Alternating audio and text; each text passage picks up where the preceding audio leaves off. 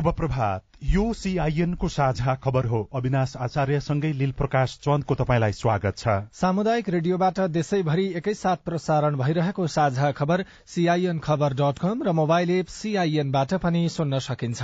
आज दुई हजार उनासी साल पुष सोह्र गते शनिबार डिसेम्बर एकतीस तारीक सन् दुई हजार बाइस नेपाल सम्बत एघार सय त्रिचालिस पौष शुक्ल पक्षको नवमी तिथि। साझा खबरमा प्रमुख खबरका शीर्षकहरू। नयाँ सरकारसँग सम्बन्ध प्रगाढ़ बनाउने शक्ति राष्ट्रहरूको प्रतिबद्धता भागबण्डा मिलाउनका लागि दलहरूबीच अनौपचारिक छलफल चिसोबाट मधेसमा पाँच वर्षमा सतासी जनाको मृत्यु। पचासदेखि सय स्थानीय तहमा प्रांगारिक मल कारखाना खोल्ने सरकारको नीति मल नल्याउने पाँच ठेकदार कम्पनी कालो सूचीमा राहदानीको अनलाइन फारम भर्दा पनि बिचौलियाको शास्ति। एक वर्ष नपुग्दै डेरी उद्योगले दूधको खुद्रा मूल्य चौध रूपियाँ बढ़ाए मलेसियामा नेपाली सुरक्षा गार्ड मर्कामा श्रम स्वीकृति नबी पंजीकरण नगरिँदा वैदेशिक रोजगारीमा गएका श्रमिक राज्यको सुविधाबाट वञ्चित? चीनमा कोरोनाको अवस्थाबारे विस्तृत जानकारी दिन डब्ल्यूएचओको आग्रह। खोकीको झोल औषधि उत्पादन गर्ने एक भारतीय कम्पनीमाथि प्रतिबन्ध। ताइवानप्रति चीनको धारणामा रूसको समर्थन। र आहारारा गोल्ड कपमा चर्च बोइजको डेब्यूमै शानदार जित। आइसिसी उन्नाइस वर्ष मुनिको एसिया छनौटका लागि प्रारम्भिक टोलीको घोषणा।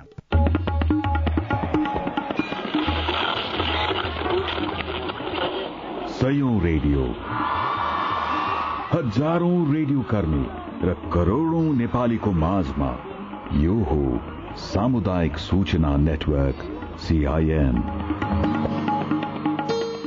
साझा खबरको सबैभन्दा शुरूमा नयाँ सरकारसँग सम्बन्ध प्रगाढ़ बनाउने शक्ति राष्ट्रहरूले प्रतिबद्धता गरेको प्रसंग नेपालका दुई छिमेकी भारत र चीन तथा शक्ति राष्ट्र अमेरिकाले पुष्पकमल दाहाल नेतृत्वको सरकारसँग सम्बन्धलाई थप प्रगाढ़ बनाउने बाचा गरेका छन्। तीनै मुलुकका काठमाण्डु स्थित दूतावासले प्रधानमन्त्री दाहालसँग शिष्टाचार भेटवार्ता गरी बधाई दिएका छन्। भेटवार्ताका दौरान तीनै राजदूतले आफ्नो मुलुकको सन्देश प्रवाह गर्दै नेपालसँगको सम्बन्ध थप प्रगाढ़ बनाउने जानकारी दिएका छन्। भारत र चीनका राजदूतले आफ्नो देशबाट प्रधानमन्त्रीहरूका तर्फबाट पठाएको सन्देश पनि दाहाललाई शुक्रबार बालुवाटार पुगेर हस्तान्तरण गरेका छन्। कूटनीतिक स्रोतहरूले बताए अनुसार श्रीलंकाका राष्ट्रपति विक्रमा सिंघेले टेलिफोन गरेकोमा प्रचण्डले खुशी व्यक्त गर्नुभएको छ। नेपाल र श्रीलंका बीच मित्रवत सम्बन्ध थप सुदृढ़ बनाउने विषयमा उहाँहरूबीच छलफल भएको प्रधानमन्त्री प्रचण्डको सचिवालयले जनाएको छ। यसअघि प्रधानमन्त्री प्रचण्डलाई अमेरिकी विदेश मन्त्री एन्टोनी ब्लिंकनले ट्वीटरमा बधाई दिनुभएको थियो। बिहिबार नेपालका लागि अमेरिकी राजदूत डीन आर थोम्सले प्रधानमन्त्री प्रचण्डलाई भेटेर बधाई दिनुभएको छ। पाकिस्तानका प्रधानमन्त्री शाहनबाज शरीफले ट्वीटरमा बधाई दिनुभएको छ। बंगलादेशका प्रधानमन्त्री शेख हसिनाले पनि प्रधानमन्त्री प्रचण्डलाई चिठी मार्फत बधाई दिनुभएको छ। बंगलादेश स्थित नेपाली दूतावासका अनुसार प्रधानमन्त्री हसिनाले प्रचण्डलाई बंगलादेश भ्रमणका लागि निमन्त्रणा पनि दिनुभएको छ। यसैबीच प्रधानमन्त्री पुष्पकमल दाहाल प्रचण्डले विश्वासको मत लिएपछि मात्रै मन्त्री परिषदलाई पूर्णता दिने तयारी गरिएको छ। विभिन्न थरी विचार भएका पार्टीहरूको समर्थनमा सरकार गठन भएकोले गठबन्धनमा एकरूपता आउन अझै बाँकी रहेको नेताहरूले बताएका छन्। सत्ता गठबन्धनमा एकरूपता कायम गर्दै मन्त्री परिषद विस्तार र कार्यविभाजन गर्नमा केही ढिलाइ हुने देखिएको छ। संघीय सरकारमा बढ़ीमा पच्चीस सदस्यीय मन्त्री परिषद गठन हुने संवैधानिक व्यवस्था छ।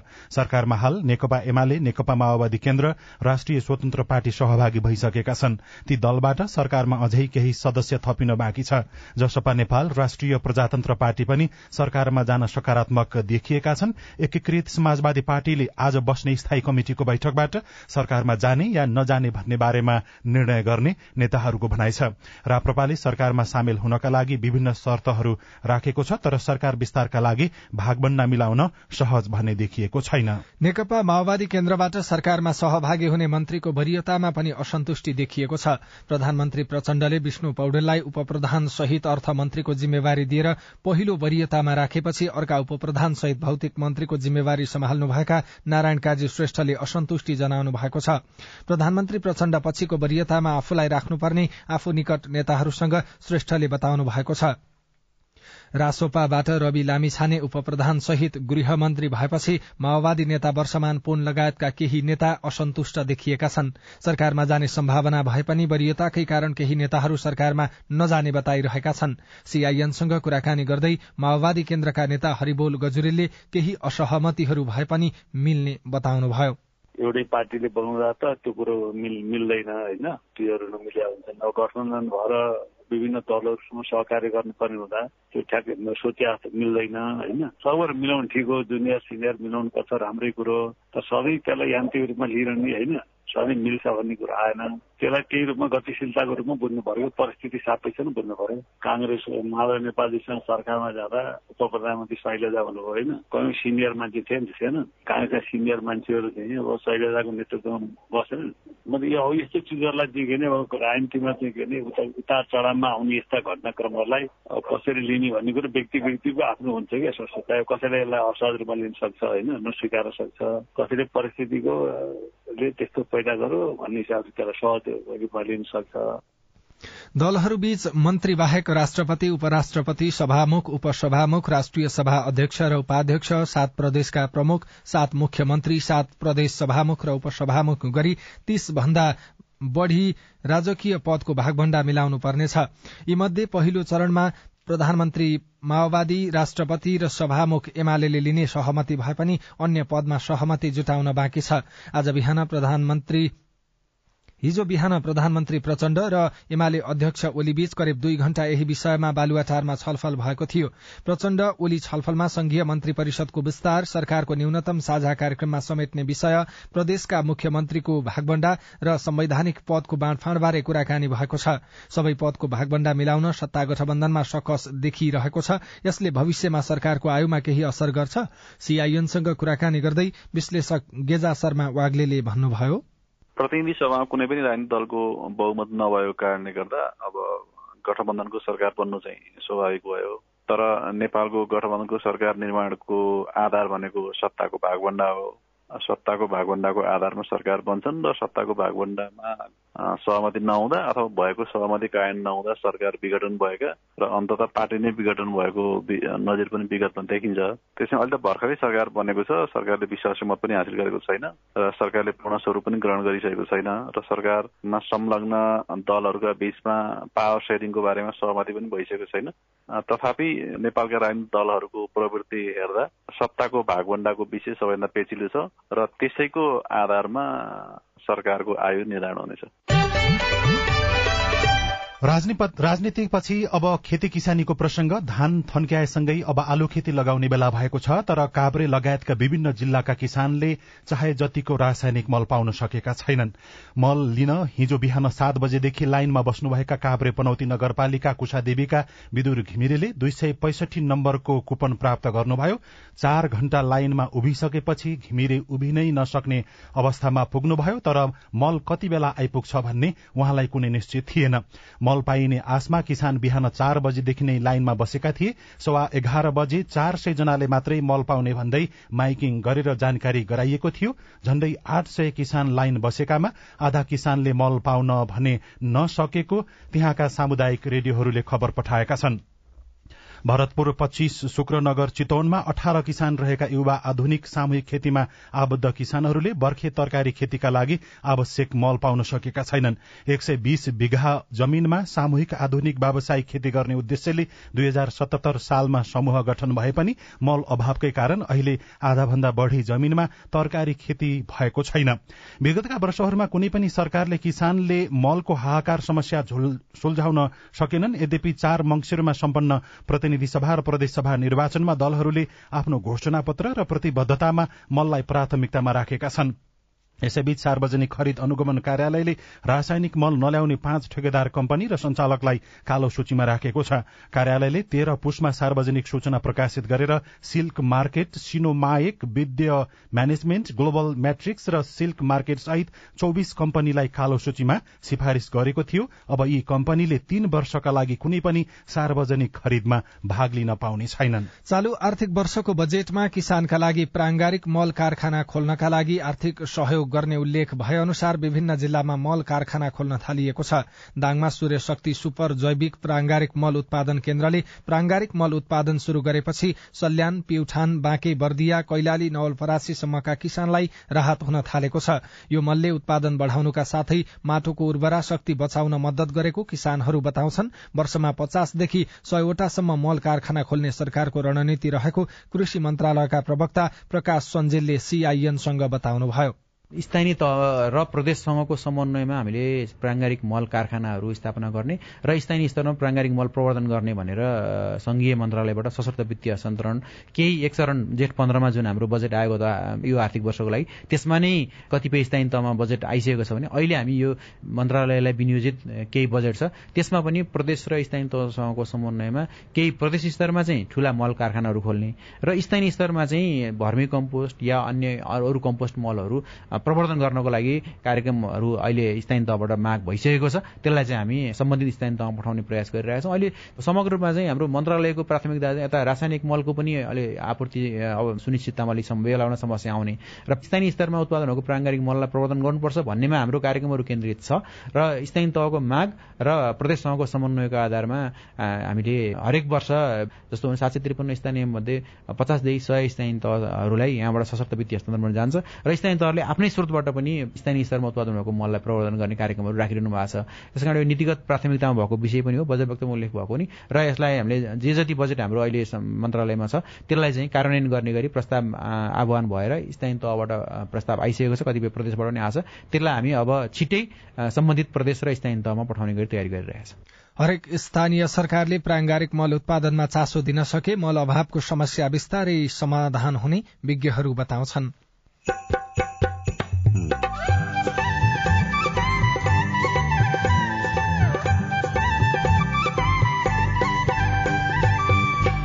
सामुदायिक सूचना नेटवर्क सीआईएन मार्फत देशभरि प्रसारण भइरहेको साझा खबरमा राहदानीका लागि अनलाइन फारम भर्दा पनि बिचौलियाको शास्ति।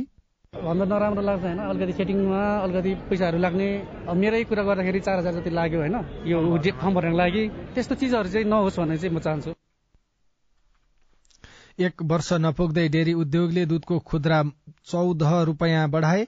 मलेसियामा नेपाली सुरक्षा गार्ड मर्कामा श्रम स्वीकृति नवीकरण नगर्दा वैदेशिक रोजगारीमा गएका श्रमिक राज्यको सुविधाबाट वञ्चित लगायतका खबर बाँकी नै छन्। सीआईएनको साझा खबर सुन्दै गर्नुहोला। सबैलाई नमस्कार। अध्यक्ष उपाध्यक्ष सदस्य सबै पो आउनुभएछ त? हामी त विपद व्यवस्थापनमा जनप्रतिनिधिको भूमिकाकै बारेमा पो छलफल गर्दै थियौं। अनि के छ निष्कर्ष सुनौ न त? बाढ़ी पहिरो भूकम्प लगायतका विपदको समयमा महिलाका समस्या सम्बोधन गर्न पालिकाले अझ धेरै काम गर्न सक्छ भन्ने हाम्रो बुझाइरह्यो। विपद सम्बन्धी स्थानीय नीति कानून मापदण्ड बनाउने र कार्यान्वयन अनुगमन नियमनको अधिकार स्थानीय सरकारलाई छ। त्यसमा महिलाको पनि सहभागिता बढाउनु पर्यो। पालिकाको अध्यक्ष मै छु। पाएको अधिकार अनुसार हामी बनेको कानून कार्यान्वयन गर्ने अनि आवश्यक कानून बनाउने चरणमै छौ। अब तपाईँका सुझाव पनि समेटिन्छन् है। विपदको तयारी र प्रतिकार्यका लागि पालिकामा रहेको संयन्त्र र योजना अनि नीतिहरू महिला बालबालिका अपाङ्गता भएका यौनिक अल्पसंख्यक समुदायका व्यक्तिको आवश्यकतामा आधारित हुनु पर्यो अध्यक्षज्यू। दिदी बहिनीहरूले सही कुरा उठाउनु भयो यहाँ उठेका सबै कुरा कार्यपालिकाको बैठकमा राख्ने प्रतिबद्धता जनाउँदै बरु अध्यक्षज्यू अहिलेसम्म बनेका कानून कस्तो बने अनि भविष्यमा कस्तो बनाउने भन्ने बारे भोलि नै एउटा छलफल राखौँ न हुन्न? विपद पहिले विपदको बेला र विपद पछि कस्तो नीति बनाउने र महिलालाई कसरी सम्बोधन गर्ने भन्ने बारेमा भोलि नै सर्वपक्षीय बैठक गरौं। आएका सुझाव समेटेर बनेका कानून संशोधन र नयाँ कानून बनाउन पालिका तयार छ। विपद सम्बन्धी कानून निर्माण र कार्यान्वयनमा महिलाको अर्थपूर्ण सहभागिता खोजौं। युएन उमनको सहयोगमा ल्याक र अकोराब नेपाल। सामाजिक रूपान्तरणका लागि यो हो सामुदायिक सूचना नेटवर्क सीआईएन तपाई अहिले सामुदायिक सूचना नेटवर्क सीआईएनबाट सीआईएन खबर डट कम र मोबाइल एप सीआईएनबाट पनि एकैसाथ साझा खबर सुन्दै हुनुहुन्छ। मोबाइल एप नेपाली पात्रोबाट पनि सीआईएनको साझा खबर सुनिरहनु भएको छ। अब बाँकी खबर। भारतमा कोरोना संक्रमण बढ़ेसँगै नाकाहरूमा उच्च सुरक्षा सतर्कता अपनाउन गृह मन्त्रालयले निर्देशन दिएको छ। भारतसँग खुला सिमाना रहेकाले नेपालमा पनि जोखिम बढ़ेको भन्दै मन्त्रालयले सतहत्तरवटै जिल्ला प्रशासन कार्यालयहरूलाई यस्तो निर्देशन दिएको हो। नाकाबाट नेपाल प्रवेश गर्नेहरूको स्वास्थ्य परीक्षणको व्यवस्था मिलाउन सम्बन्धित निकायहरूसँग समन्वय गर्न पनि प्रशासन कार्यालयहरूलाई भनिएको गृह मन्त्रालयका प्रवक्ता फणेन्द्र मणि पोखरेलले सीआईएनलाई जानकारी दिनुभयो। साथै सार्वजनिक स्थानमा हिडुल गर्दा अनिवार्य मास्कको प्रयोग गर्न अभियान नै चलाउन पनि सुरक्षा अधिकारीहरूलाई निर्देशन दिइएको प्रवक्ता पोखरेलले बताउनुभयो। अब आज काठमाडौँबाट प्रकाशित पत्र पत्रिकाको खबर सबैजसो पत्र पत्रिकामा फर्किने तयारीमा रहेका एकजना नेपालीको थाइल्याण्डको सीमा नजिकै रहेको कम्बोडियाको पेपेट स्थित एउटा क्यासिनोमा भीषण आगलागीमा परि मृत्यु भएको खबर छापिएको छ झापा बिर्तामोड एकका चालिस वर्षीय निराकार पाण्डेको मृत्यु भएको हो। ग्राण्ड डायमण्ड सिटीको भवनमा बिहिबार रातिको घटनामा उहाँ सहित चौबिस जनाको मृत्यु भएको छ। घटनापछि एनआरएन कम्बोडियाका अध्यक्ष लाल सिंह खड्का घटनास्थलमा पुग्नु भएको थियो। पाण्डेको शव थाइल्याण्ड स्थित नेपाली दूतावास मार्फत नेपाल पठाउने तयारी भइरहेको अध्यक्ष खड्काले बताउनु भएको छ। पाण्डेले भिडियो कल मार्फत नेपालमा रहेका परिवारका सदस्यसँग कुराकानी पनि गर्नुभएको थियो। भित्री पन्नामा मूल्य वृद्धिको एक वर्ष नपुग्दै डेरी उद्योगले फेरि बढ़ाए चौध रूपियाँ शीर्षकमा राजु चौधरीले लेख्नु भएको छ मूल्य वृद्धि गरेको एक वर्ष नपुग्दै डेरी उद्योगहरूले दूधको खुद्रा मूल्य फेरि बढ़ाएका छन्। डेरी उद्योग संघले संरक्षणमा केही डेरी उद्योगीले यसलाई फेरि सुन्नुहोला। डेरी उद्योग संघको संरक्षणमा केही डेरी उद्योगीले किसानको बहाना बनाउँदै दूधमा प्रति लिटर चौध रूपियाँ मूल्य बढ़ाएका हुन्। राष्ट्रिय दुग्ध विकास ऐन तथा नीति अनुसार दुई दुई वर्षमा मात्रै बजार मूल्य समायोजन गर्न पाउने व्यवस्था रहेको छ। बेनी जोमसोम सड़क विस्तार झन सुस्त शीर्षकमा घनश्याम खटकाले म्याग्दीबाट लेख्नु भएको छ सरकारको प्राथमिकता पूर्ण गौरवको योजना मध्येको कालीगण्डकी करिडोर अन्तर्गत बेनी जोमसोम केरला अन्तर्देशीय सड़कको काम झनझन सुस्त बनेको छ। अधिक चिसो बढ़ेसँगै मुस्ताङ खण्डको काम पूरै ठप्प भएको छ। नयाँ पत्रिकाको अर्थ पृष्ठमा मुना कुंवरले श्रम स्वीकृति नवीकरण नगर्दा वैदेशिक रोजगारीमा गएका श्रमिक राज्यको सुविधाबाट वञ्चित हुने गरेको खबर लेख्नु भएको छ।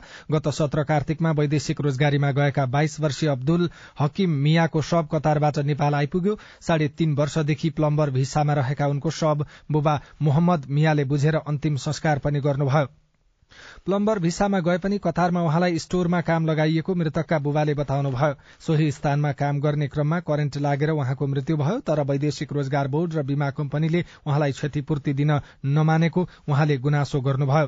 दुई वर्षको श्रम स्वीकृति लिएर कतार गएका उहाँको मृत्यु हुँदा श्रम स्वीकृति सकिएको एक वर्ष भन्दा पनि बढ़ी भइसकेको रहेछ। सोही कारण उहाँले नेपालमा कुनै पनि सहयोग रकम पाउनु भएन।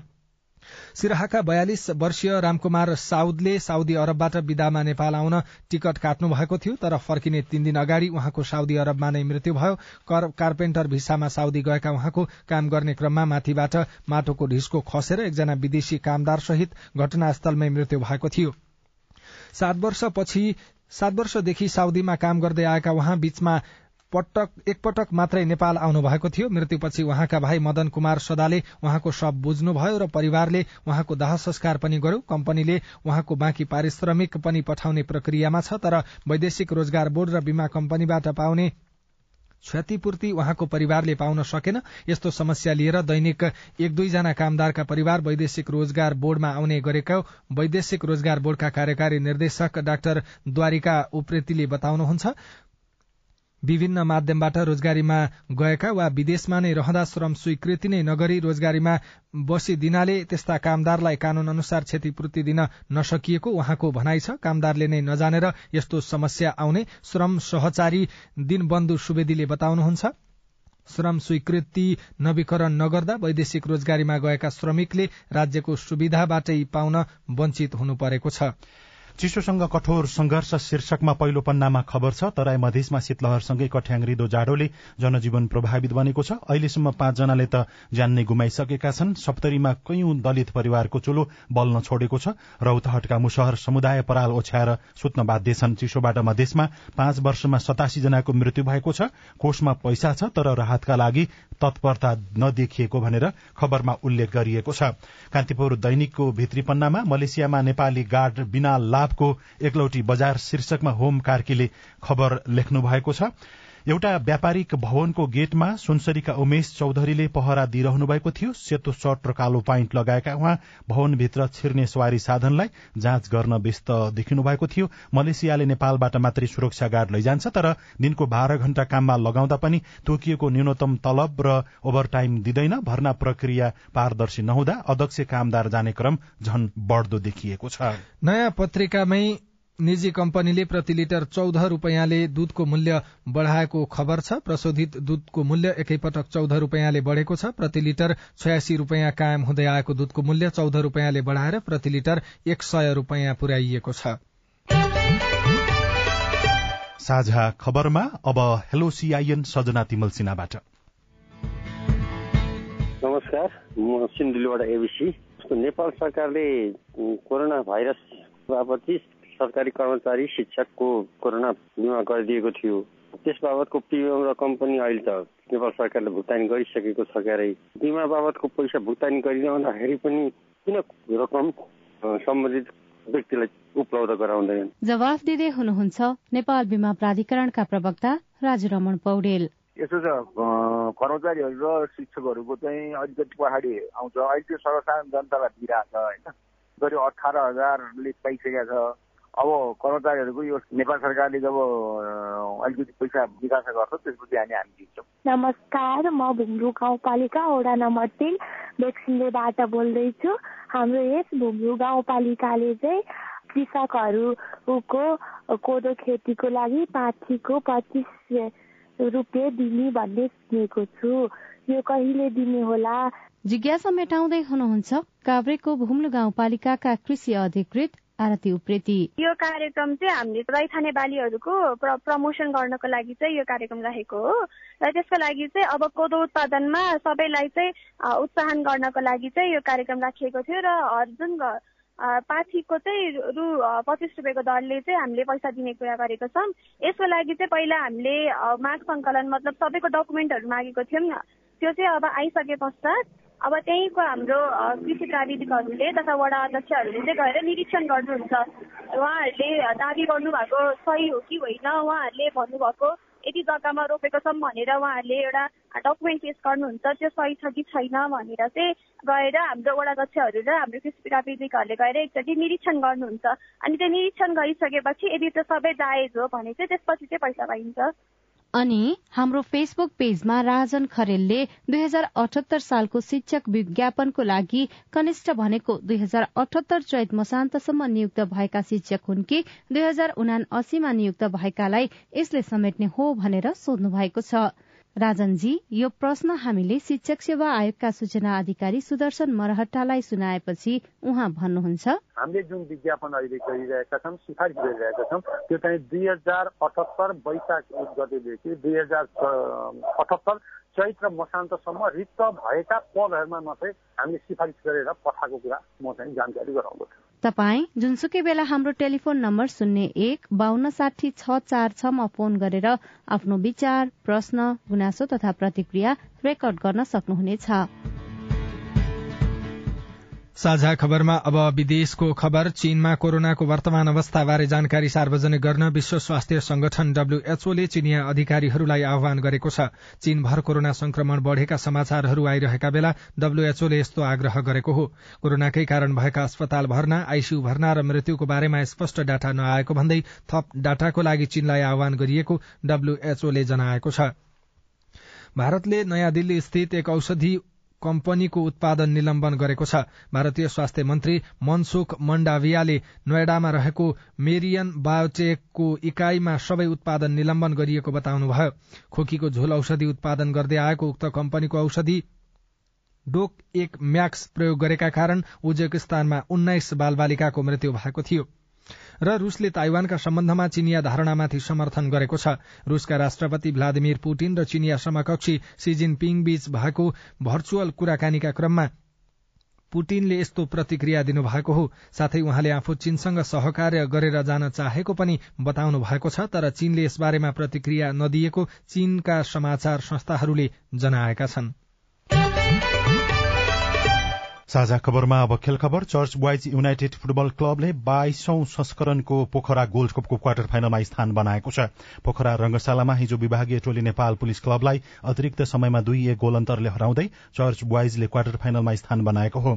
चर्च बोइजलाई जित दिलाउन अञ्जन विष्ट र अनन्त तामाङले एक एक गोल गर्नुभयो। खेलको निर्धारित नब्बे मिनट एक एकको बराबरीमा सकिँदा खेल अतिरिक्त समयमा गएको थियो। अब चर्च बोइजले क्वार्टर फाइनलमा मसिन्द्र फुटबल क्लबसँग प्रतिस्पर्धा गर्नेछ। र नेपालले फेब्रुअरीमा युएमा हुने आईसीसी उन्नाइस वर्ष मुनिको एसिया छनौटका लागि अठाइस सदस्यीय प्रारम्भिक टोलीको घोषणा गरेको छ। गत महिना भएको वाईवाई युथ नाइन्टिन राष्ट्रिय क्रिकेट प्रतियोगिता आधार मानेर नेपाल क्रिकेट संघ क्यानले खेलाड़ी छनौट गरेको हो। राहदानीका लागि अनलाइन फारम भर्दा बिचौलियाबाट हुने ठगी रोकिएन। रिपोर्ट अरू खबर र कार्टुन पनि बाँकी नै छ। सीआईएनको साझा खबर सुन्दै गर्नुहोला। सीआईएनको साझा खबर अब नेपाली पात्रोमा पनि। स्थानीय राष्ट्रिय तथा अन्तर्राष्ट्रिय समाचार नेपाली एफएम तथा अनलाइन रेडियोहरू एकै ठाउँमा सुन्न तिथि मिथि तथा पञ्चाङ्ग सम्बन्धी सबै जानकारी लिन। अन्तर्राष्ट्रिय मुद्राको नेपाली विनिमय दर सुन चाँदीको दर भाव मौसम सम्बन्धी सूचना र सार्वजनिक विधा बारेको जानकारी लिन पनि। नेपाली पात्रो अब तपाईँको मोबाइलमा। सामाजिक रूपान्तरणका लागि यो हो सामुदायिक सूचना नेटवर्क सीआईएन साझा खबरमा अब राहदानीको फारम भर्दा बिचौलियाबाट भइरहेको ठगी। राहदानी लिन चाहनेलाई सुविस्ता होस् भनेर राहदानी विभागले अनलाइनबाट फारम भर्न पाउने व्यवस्था गर्यो तर चाप धान्न नसकेको भन्दै फारममा कोटा र समय तोकिएपछि सेवाग्राहीले अनलाइन फारम भर्न नसक्ने अवस्था छ। फारम भर्नकै लागि सात हजार रूपियाँसम्म तिर्न बाध्य भएको सेवाग्राहीले बताएका छन्। फर्म भरेको चाहिँ पहिला ढाई सयसम्म लग्थ्यो अरे अहिले चाहिँ दुई हजार लगेको छ कसैको तिन हजार चार हजार पाँच हजार यसरी लगिरहेको मैले चाहिँ तीन हजारले फर्म भरेको। यो त्रिपुरेश्वर स्थित राहदानी विभागको परिसरमा लाइन लागेका सबैजसो सेवाग्राहीको साझा व्यथा हो। विभागले अनलाइन मार्फत फारम भर्न हरेक दिउँसो साढे तीन बजेपछिको समय तोकेको छ। दिनमा जम्मा दुई हजार जनाले मात्रै फारम भर्न पाउँछन्। दस हजार भन्दा धेरै जनाले फारम भर्न प्रयास गर्छन्। तर कोटा सकिना साथ अनलाइन प्रणाली बन्द हुन्छ। यस्तो शास्त्रीले हैरान भएपछि सेवाग्राही तोके भन्दा कैयौं गुणा बढ़ी पैसा तिरेर बिचौलियाले भने अनुसार गर्न बाध्य हुन्छन्। भन्दा नराम्रो लाग्छ होइन अलिकति सेटिङमा अलिकति पैसाहरू लाग्ने। मेरै कुरा गर्दाखेरि चार हजार जति लाग्यो होइन यो फर्म भर्नको लागि त्यस्तो चिजहरू चाहिँ नहोस् भन्ने चाहिँ म चाहन्छु। अनलाइनै देखाउँदैन भन्छ त। अहिले अनलाइनै छैन भन्छ। त्यही नदेखाएको भएर त्यही दुई हजार पच्चिस सय भन्थ्यो मैले चाहिँ दुई हजार मात्रै दिएको आफूले भर्न नआएको कारणले नि होला नि उनीहरूले भर्दै। अनलाइन भनिए पनि राहदानीको फारम एकाध बाहेक अरू सेवाग्राहीले आफै भर्न सक्दैनन्। यही मौकाको फाइदा उठाउँदै साइबर र बिचौलाले मनपरी शुल्क लिने गरेका छन्। स्नातकोत्तर अध्ययनका लागि विदेश जान अर्घखाँचीका सागर पोखरेलले दुई दिनसम्म आफै प्रयास गरे पनि फारम भर्न नसकेपछि फेसबुकमा देखेको विज्ञापनका भरमा फारम भर्ने सेवा लिनुभयो। डिजिटलाइजेसन त राम्रो हो होइन? डिजिटल बनाउने नाममा बीचमा कुनै एजेन्ट ब्रोकर नभइकन कसैले केही गर्नै नसक्ने भयो कि? अलि यसलाई सहजीकरण चाहिँ गर्नुपर्छ। सरकारले तोकेको शुल्क बुझाएर सेवा लिन पनि नागरिकले बेहोर्नु परेको यो दुःख र झन्झट देख्दा सरकार आम नागरिकका लागि सेवा भन्दा पनि शास्ति दिइरहेको जस्तो देखिन्छ। तर सेवाग्राहीले भोग्नु परिरहेको यो शास्तिबारे राहदानी विभाग भने बेखबर जस्तै छ। विभागका अधिकारीहरू सेवाग्राही यस्तो गुनासो लिएर नआएको भन्दै पन्छिने गरेका छन्। विभागका प्रवक्ता दुरपदा सापकोटा। मान्छेले दस हजार लियो तर मलाई चित्त बुझेन भनेर तपाईँलाई भन्नेले हामीलाई भन्न आउनुहुन्न। आउनु भयो भने मात्रै हामीले त्यो लिने मान्छेलाई पनि पुलिस कहाँ कारवाही गर्न पठाउँछौँ। उहाँको काम पनि सजिलै गरेर पठाइदिन्छौँ। हामीले पुलिसलाई र अनुसन्धानलाई रिक्वेस्ट गरेका छौँ। यो पासवर्ड भनेको एक डेढ सय दुई सयमा भरिदिने कुरा हो। कतै केही ठगी गरेछ भने चाहिँ प्लिज कारवाही गरिदिनुहोस् भनेर हामीले धेरैचोटि लेखिसकेका छौँ। हामीले गर्न सक्ने त त्यति नै हो। सेवाग्राहीले भर्न नसक्ने फारम साइबर वा अनलाइन सेवा प्रदायकले चाहिँ कसरी भर्छन् भन्ने अर्को शंकाको विषय हो।